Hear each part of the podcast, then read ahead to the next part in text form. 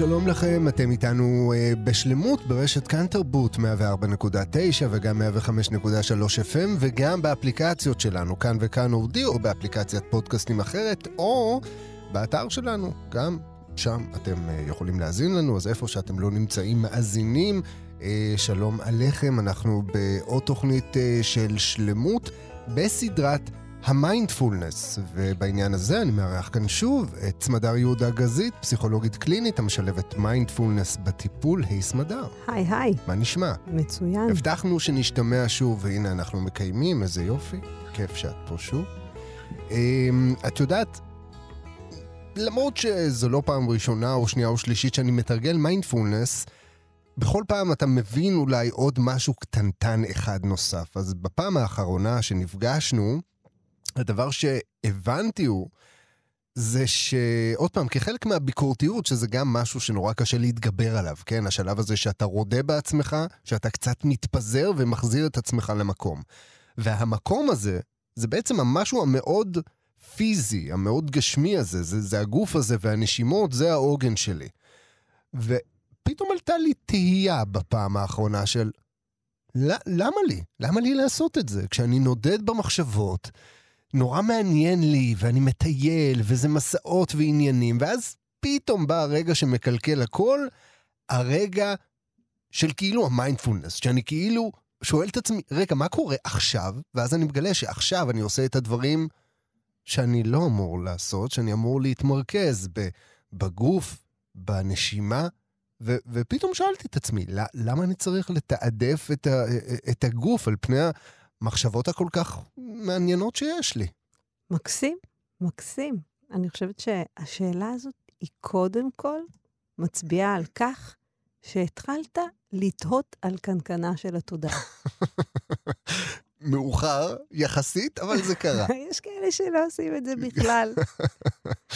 וצחוק צחוק, אבל אני באמת מתכוונת לזה. חלק ממה שאנחנו רוצים לעשות אגב החזרה הסיזיפית הזו אל הרגע הזה, הוא להתבונן בתודעה שלנו.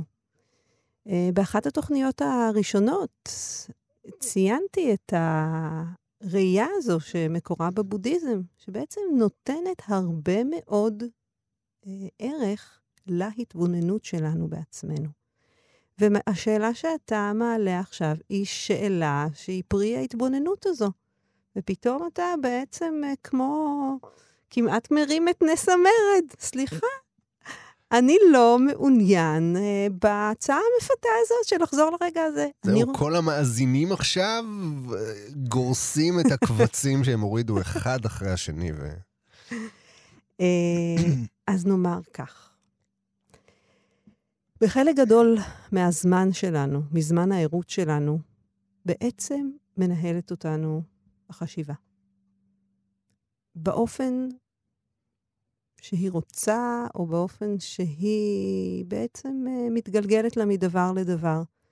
לרוב באופן אסוציאטיבי.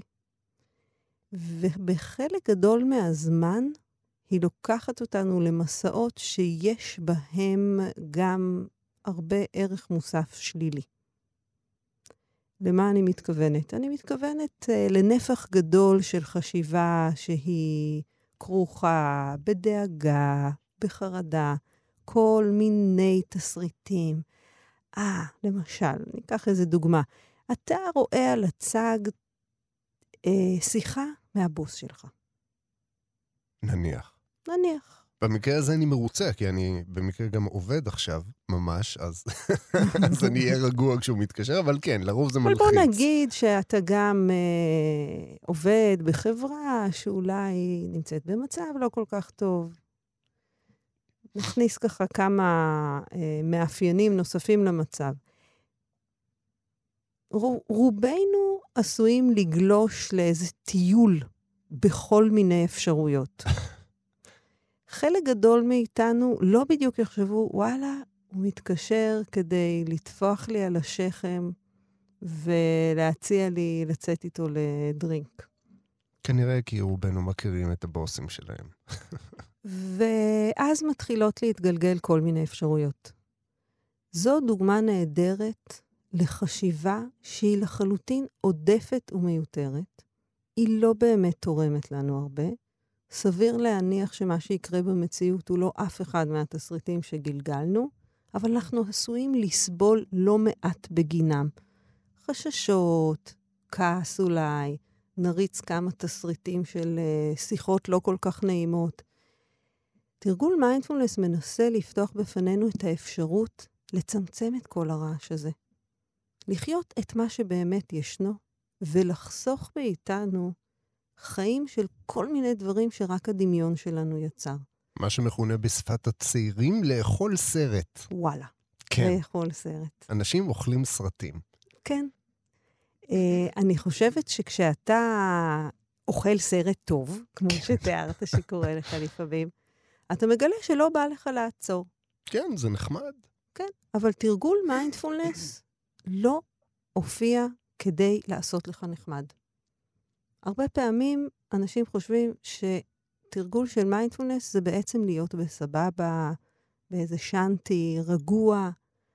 אז אני בצער רב, כמעט מתחשק לי לצלצל במצילות כדי uh, שנוכל כולם לדמות את הבועה טוב, חיכינו התוכנית פוגעים. רביעית כדי לצאת עם לא הספוילר הזה. להבריח, בדיוק, כן. כדי לא להבריח את הקהל. Uh, לא באנו רק כדי ליהנות. תרגול מיינדפולנס מנסה לקדם ערך של ראיית המציאות כפי שהיא. וכולנו יודעים שבמציאות יש הרבה חלקים שהם לאו דווקא נעימים, או מרגיעים, או לוקחים אותנו למחוזות שאינם מציאותיים, אבל נעים להיות בהם. אנחנו רוצים לפתח את היכולת שלנו לחיות בתוך המציאות כפי שהיא, ולמצוא שם מרחב לא כי לקחתי את עצמי ללה-לה לנד, אלא כי אני מצליחה בתוך המציאות כפי שהיא למצוא יותר מרחב פנימי. חלק גדול מהאימון הזה של השבת תשומת הלב לגוף ולנשימה עוזר לנו לעגן את עצמנו במציאות. ריגרדלס, בלי תלות בהאם כרגע אני בחשיבה נעימה או לא נעימה. הכלל הוא אותו כלל. אנחנו לא עושים פה אה, איפה ואיפה. תמיד כשאני מבחינה שאני בחשיבה, אני רוצה ללמד את עצמי להרפות ממנה ולחזור אל החוויה הפיזית הזו, הגשמית, החושית. ואתה זיהית משהו שהוא מאוד מאוד נכון, הוא אפילו אה, הנחיה גורפת, מדויקת, שיכולה לסייע בתרגול. שמת לב שאתה בחשיבה, אתה יכול לציין לעצמך, הנה אני בחשיבה, ואני חוזר לנשימה.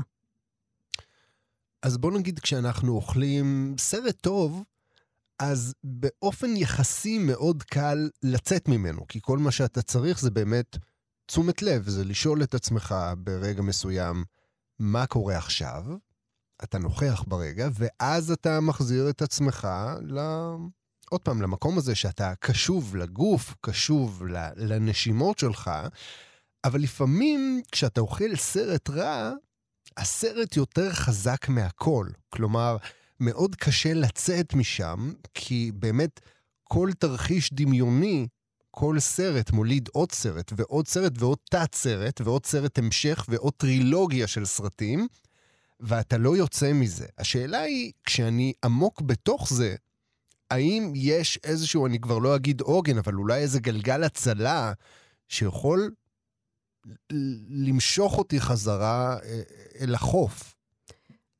בעצם אתה שואל לגבי האפשרות אה, לייצר איזה תרגול מיינדפולנס לשעת חירום. למשל, שבור עז... בשעת חירום ו... עזרה ראשונה מבוססת מיינדפולנס. אה, כזה דבר יש? יש משהו, ובהמשך, בקרוב, אני uh, ארחיב לגבי זה, אבל תרשה לי קצת להסתייג קודם. אוקיי. Okay. אז ההסתייגות שלי היא כזאת. Um, זה לא איזשהו מעקף למצטיינים. ואם uh, תרגול המיינדפולנס שלי יישען אך ורק על מין uh, תרגולים בשעת חירום, uh, זה יהיה קצת כמו להגיד, אני לא הולך uh, לחדר כושר ואני גם לא רץ, אבל אם אני אהיה חייב, אני אוכל לדפוק כמה ספרינטים טובים. יכול להיות שזה נכון, זה יחזיק מעמד רק בחלק מהמצבים. זה דוגמה שאני דווקא לא רוצה ליישם אותה בהקשר של ה mind שלי. Mm-hmm. את ה mind אני רוצה לאמן היטב דווקא בימי שלום ושקט, כדי שהוא יהיה לי משען ומגן בימים הגשומים, כמו שאומרים, באמת אה, בזמן אמת. ומהבחינה הזאת, לתרגל מיינדפולנס זו דרך גם לבנות חוסן. זה בהחלט אימון שמשפר את החוסן הנפשי. בהקשר הזה אני רוצה באמת אה, להישאר עם הדוגמה שנתת על הסרטים, על האכילת סרטים הרעים, בעצם השהייה בתוך כל מיני... אה, תרחישים בדיוניים שאני מוליד פרי דמיוני כן. ככל שאני נותן למחשבות האלה להמשיך ולהפליג ללא שליטה. ממש כך, זאת אומרת, אתה תיקח איזשהו גרגיר של מציאות, כמו שיחת טלפון על הצג, או זיכרון שעלה לך אולי על משהו ששכחת לעשות, ומשם, מה שנקרא, השמיים הם הגבול. במצב הזה, כמו שתיארת, שלפעמים התרחיש הנוראי הזה הוא כל כך חזק, שמי בכלל יכול לדבר על מיינדפולנס? אלה מצבים שממחישים לנו באופן מופלא את חוסר הנפרדות בין הגוף לבין הנפש. מה שאיננו כך כשאתה בתוך סרט נורא נעים. תיארת איך בסרט נעים, בסך הכל זה יותר קל להרפות ממנו ולחזור לרגע הזה. אני אטען שאחת הסיבות המרכזיות לכך זה שכשאתה בסרט נעים, הגוף שלך בסך הכל במצב יחסית שקט, נינוח. הוא לא מושך אותך לשום מקום, ואתה יכול יותר בקלות להזמין גם אותו למצב של מיינדפולנס. לעומת זאת, כשאתה בתוך תסריט נוראי, הוא מתקיים לא רק בחשיבה, לא רק ב mind, כל הגוף נדרך. הרבה פעמים אנחנו נרגיש שינוי בנשימה, עלייה של הדופק, הזעה, מתח מוגבר בשרירים של הגוף. אלה מצבי סטרס במלוא הדרם. וכאן אנחנו יודעים כבר מהרבה מאוד מחקר, כאן מתקיים היזון חוזר קשה בין הגוף לבין ה mind. ה mind מוליד איזו מחשבה מפחידה, הגוף נדרך. הדריכות הזו של הגוף חוזרת אל ה mind ואומרת לו, היי, היי, אני במצב של איום. ה mind מתרגם את זה ומיד מייצר עוד כמה תסריטים כדי לנסות להבין מה קורה. וכאן מתחיל מחול שדים. מחול השדים הזה מתקיים באין מפריע, כל עוד אנחנו מסורים לחשיבה. וככל שאנחנו מלמדים את עצמנו לפתח יותר מרחב גם בתוך המצבים האלה, ואיזושהי יכולת לחזור אל עמדה מתבוננת. לראות, אהה, הנה החשיבה, הנה מה שקורה בגוף, וואו, מה קורה כרגע. היכולת הזאת תעזור לנו לשבור את מעגל הקסמים. מתי? במצבי לחץ. אבל אם לא נפתח אותה, מה שנקרא, בימי שלום, היא לא תהיה כל כך אפקטיבית גם ברגעי משבר. אז בואי באמת נחדד אולי את, ה... את השוני או את המאפיינים הייחודיים שלה לעומת השיטה שאנחנו מתרגלים, או לפחות שואפים לתרגל באופן קבוע ו... ושגרתי. במה היא בכל זאת שונה? מה הופך אותה באמת לתוכנית מצב חירום? בעצם הגישה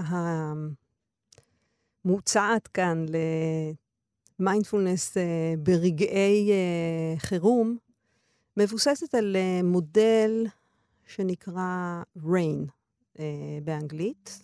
אמרת ימים גשומים, אז בבקשה. בדיוק, לימים גשומים. אבל בעצם, כן, בעצם יש כאן אקרונים. אנחנו משתמשים באותיות הראשונות של uh, כל מילה כדי לבנות את ה-RAIN. אנחנו נעבוד עם הגרסה המעוברתת, והגרסה המעוברתת, אנחנו נקרא לה הקשב.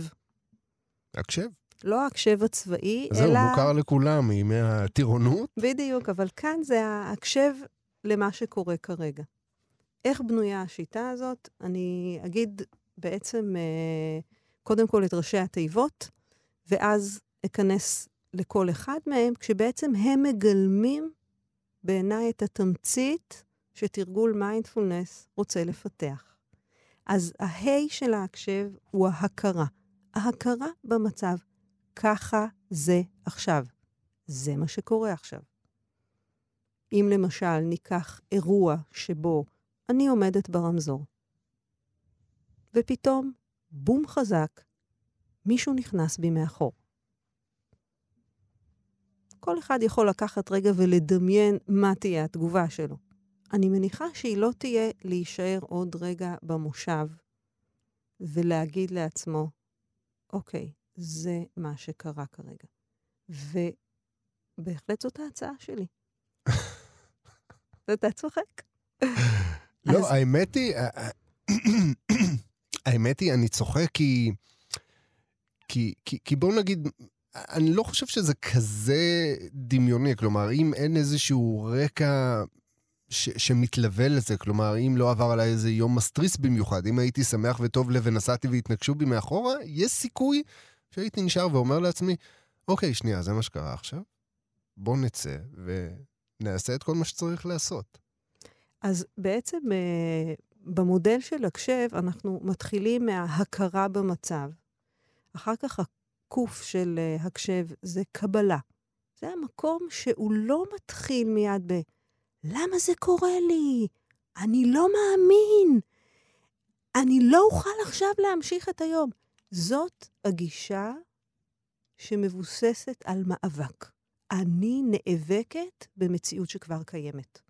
לעומת זאת, תרגול של מיינדפולנס, ועוד נרחיב על זה בפרק uh, נפרד, שיעסוק בכל הסוגיה הזאת של קבלה של המציאות כפי שהיא, uh, לאפשר לדברים להיות כפי שהם.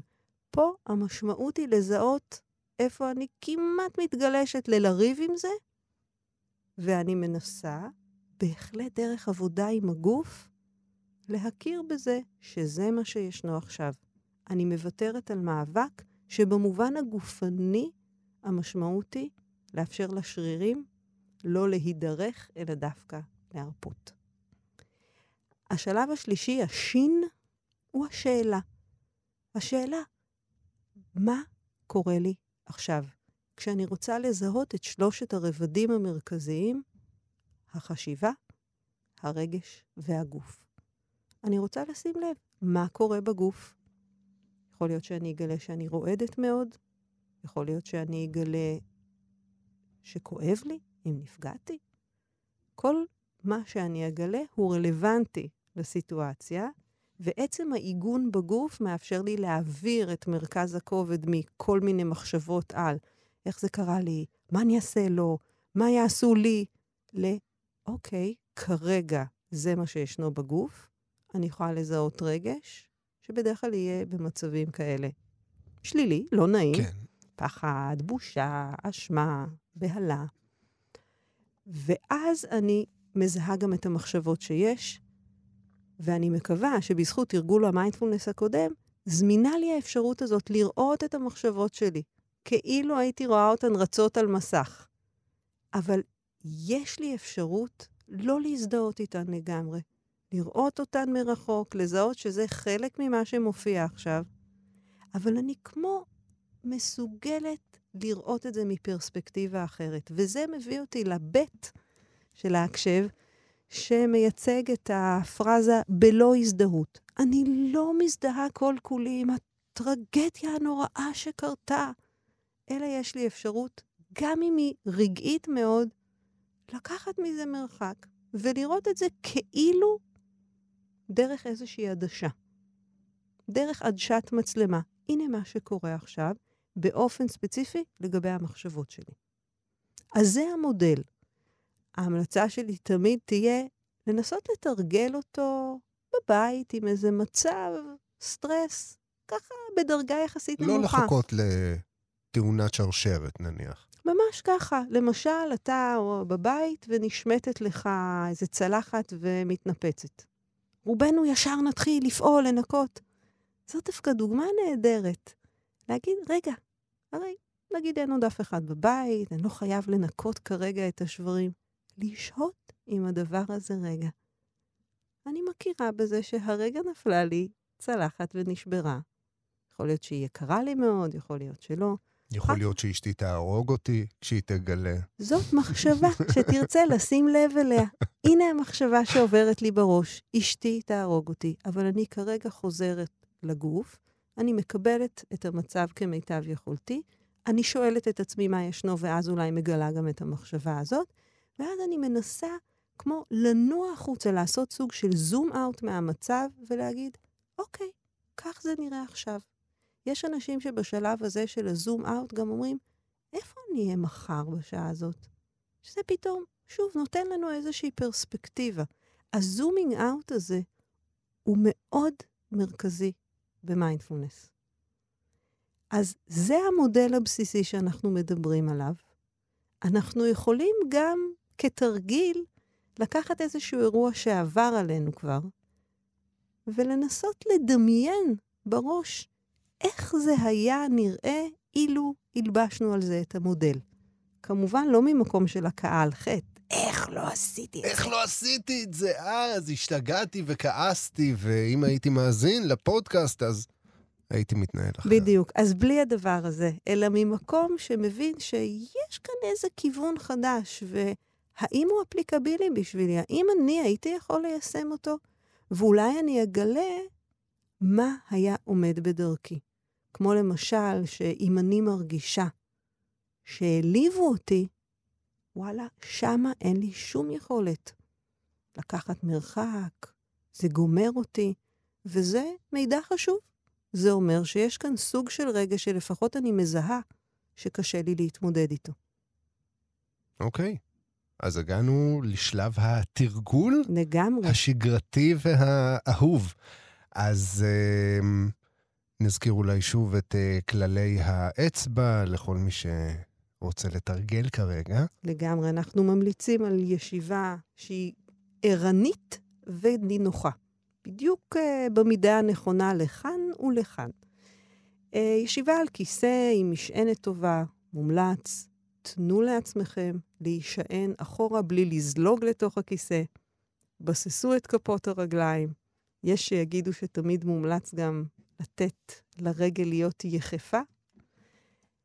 אני מקפיד גם על הכלל הזה עכשיו מתחת לשולחן. טוב, איזה יופי.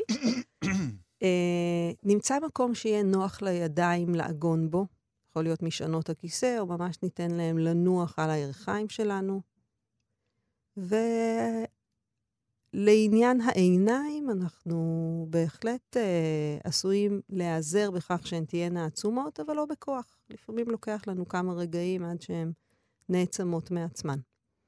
אני מבטיחה גם שבמהלך התרגול אני אציג את המודל שדיברנו עליו. אז uh, מי שירצה ככה היכרות ראשונה איתו, אז התרגול הנוכחי מציע את זה. נתחיל. צלצול אחד להתחלה ושלושה לסיום.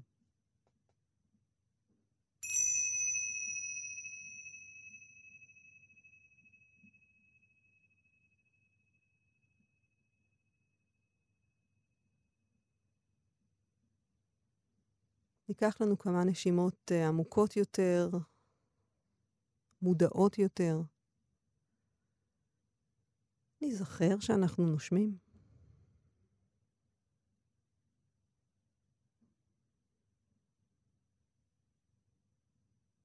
נביא את תשומת הלב לכפות הרגליים, ניתן להן להתמסר לתמיכה שיש להן.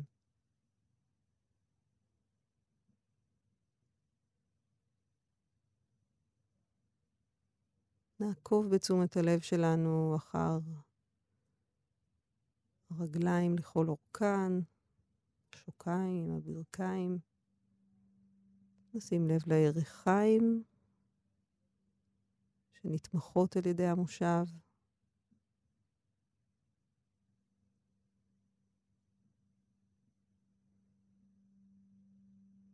שים לב למפגש שבין הישבן והמושב.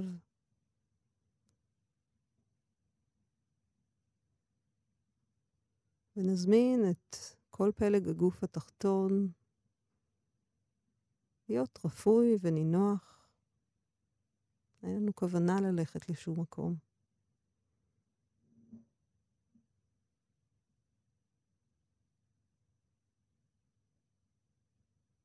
בתוך האגן נוכל לחוש את העלייה של עמוד השדרה מעלה לכיוון הראש.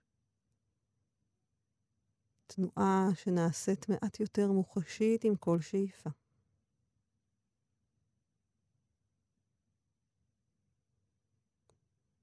צידי הגב פרוסים, נינוחים, נאפשר גם לחגורת הכתפיים לשקוע מטה, להשיל מעליה מאמץ שאין בו צורך כרגע. שים לב ליד ימין לכל אורכה וליד שמאל לכל אורכה, מן הכתפיים ועד קצות האצבעות.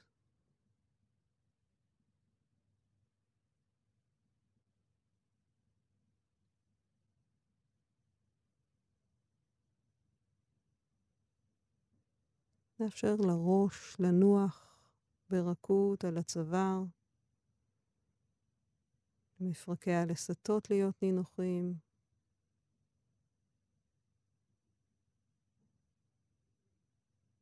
לשרירי הפנים להיות רפואיים ככל האפשר.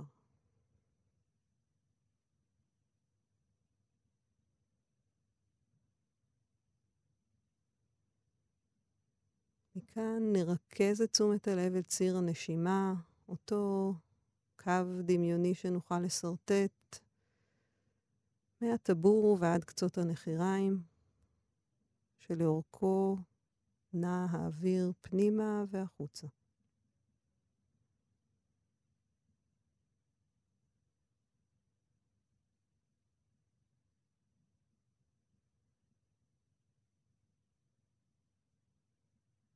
וזהו נמל הבית שלנו לתרגול הזה. הכאן והעכשיו שמגולם בנשימה.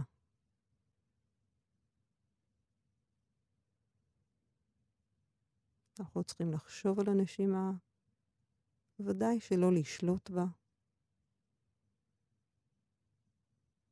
פשוט לשים לב הנה השאיפה, והנה הנשיפה, והנה ההפוגה.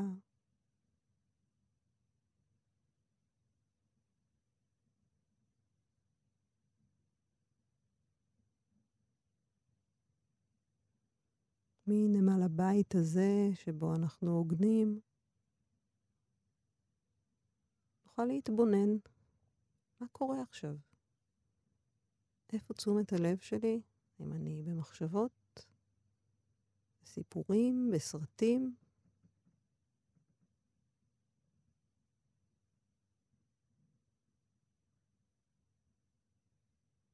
ואם כן, אני חוזרת אל הנשימה.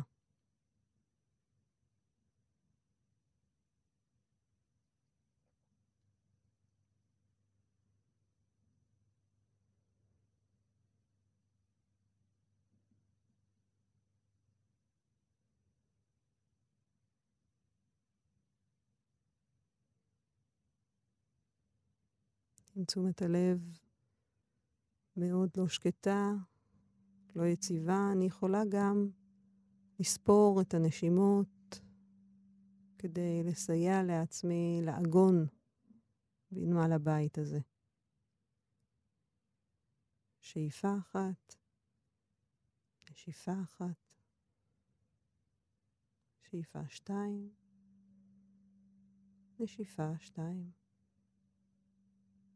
וכך הלאה עד חמש, ואז נחזור בסדר יורד.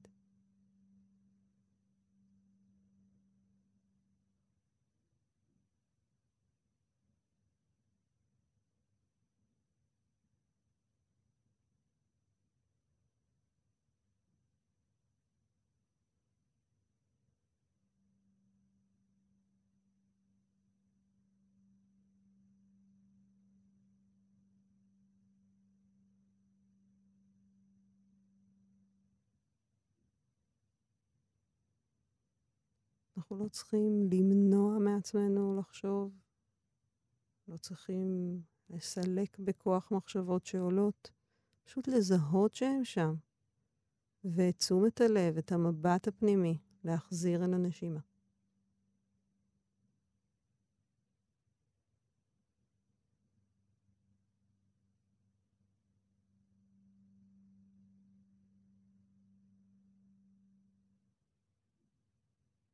אם נזהה כרגע איזושהי מחשבה טורדנית או אי נוחות גופנית,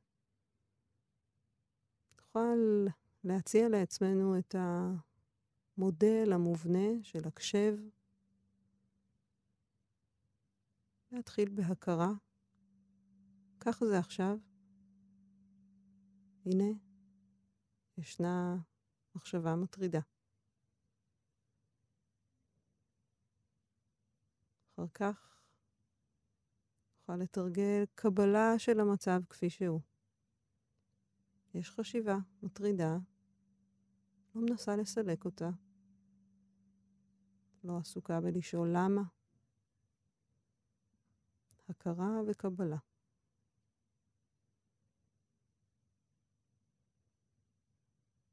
עכשיו, בשין של הקשב אני רוצה לשאול, מה ישנו עכשיו? מה המחשבות שלי? איזה רגש נוכח? ומה מצב הגוף? יכול מאוד להיות שעצם הבאת תשומת הלב תאפשר לי להרפות את הגוף. להקל מתח אם ישנו.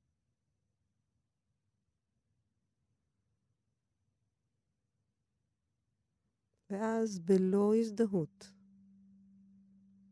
אני מחפשת פרספקטיבה שממנה אני רואה את מה שמתרחש, מבלי לעמוד במרכז.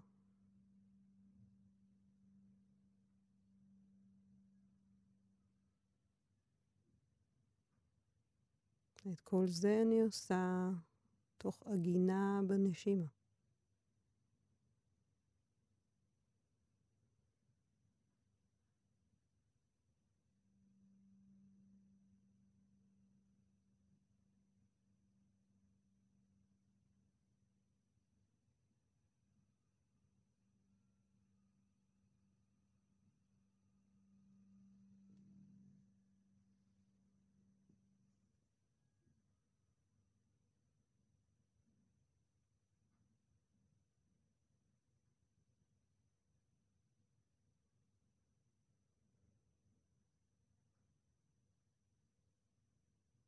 כשנשמע את צלילי המצילות, נניח לעצמנו לשהות איתם עד שהם יתפוגגו לגמרי.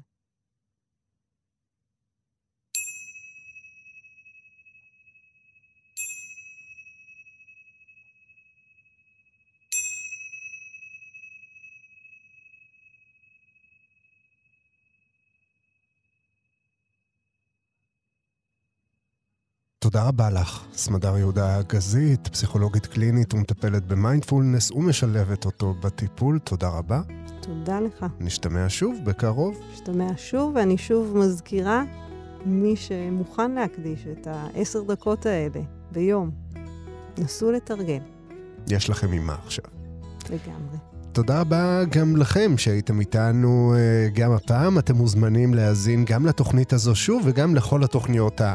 אחרות. אה, ניתן לעשות את זה בכמה דרכים, אתם יכולים לעשות את זה דרך אתר כאן, בכתובת www.kan.org.il/פודקאסט. אה, כל התוכניות האחרות שלנו בסדרת שלמות נמצאות שם, או שאתם יכולים לעשות את זה דרך האפליקציה היישומון שלנו, כאן אודי, שזמין להורדה בחינם, או דרך כל אפליקציית פודקאסטים אה, אחרת שחביבה עליכם. אה, וזה הכל, אנחנו נשתמע כאן שוב בקרוב, לי קוראים רז חסון. עד אז, תרגישו טוב ולהתראות. thank you